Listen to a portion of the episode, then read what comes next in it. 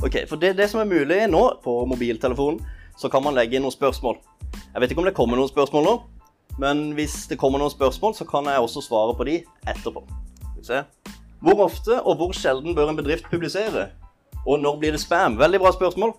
For eh, man kan egentlig ikke publisere ofte nok. Du har noen av de største, de publiserer gjerne en ti ganger om dagen. Og da, nå snakker vi jo noen som har et team til å gjøre dette her, altså.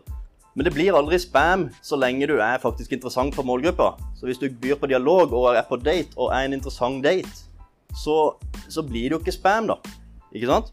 I tillegg så vil ingen der ute se innlegget så ofte som det du gjør sjøl. For du legger det jo ut, og da vil du se hvert eneste innlegg, og så vil du plutselig sjøl tenke at nei, dette blir for mye. Men de som er på andre enden, de ser ikke innlegget like ofte som det du gjør. Det er ikke sikkert de ser det i det hele tatt. Noen har jo bare en rekkevidde på kanskje opptil 10% av de som følger sin bedrift, som ser innlegget. Og det er det ene. Og så det neste innlegget så er det kanskje noen andre 10% Og i veldig mange tilfeller, de som kjører sånne konkurranser og giveaways, så er det irrelevante mennesker som ser det, for de er, det er gratisjegere. For de blir det jo spam, for det er jo ikke interessant. De vil bare ha noe gratis den ene gangen. Du på eh, maskinen bak her, eller på, da er du på mobil, kan du trykke på 'marker som besvart'? Har du Går det? Ja. Hæ, funker dette?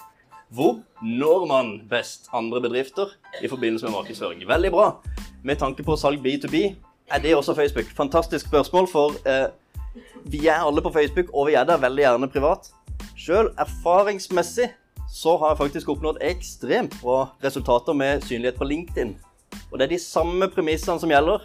Finn ut hva som er interessant for målgruppa på LinkedIn for din målgruppe, og gi verdi.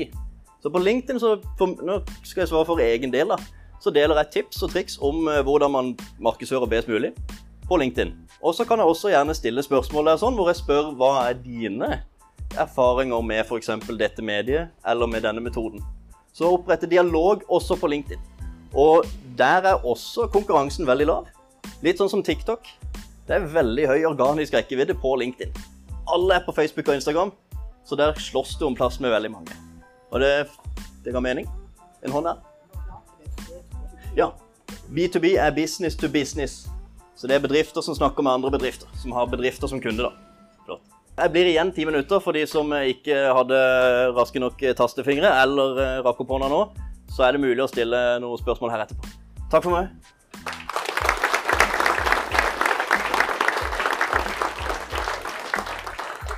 Tusen takk skal du ha,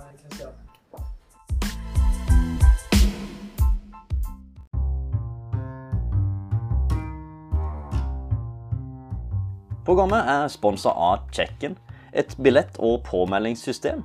Så dersom du driver med kurs, konferanse, konserter, så kan disse hjelpe deg. Både med et gode tips på veien, og med å håndtere egentlig det meste av administrativt arbeid. Du kan egentlig bare fokusere på å lage et godt arrangement.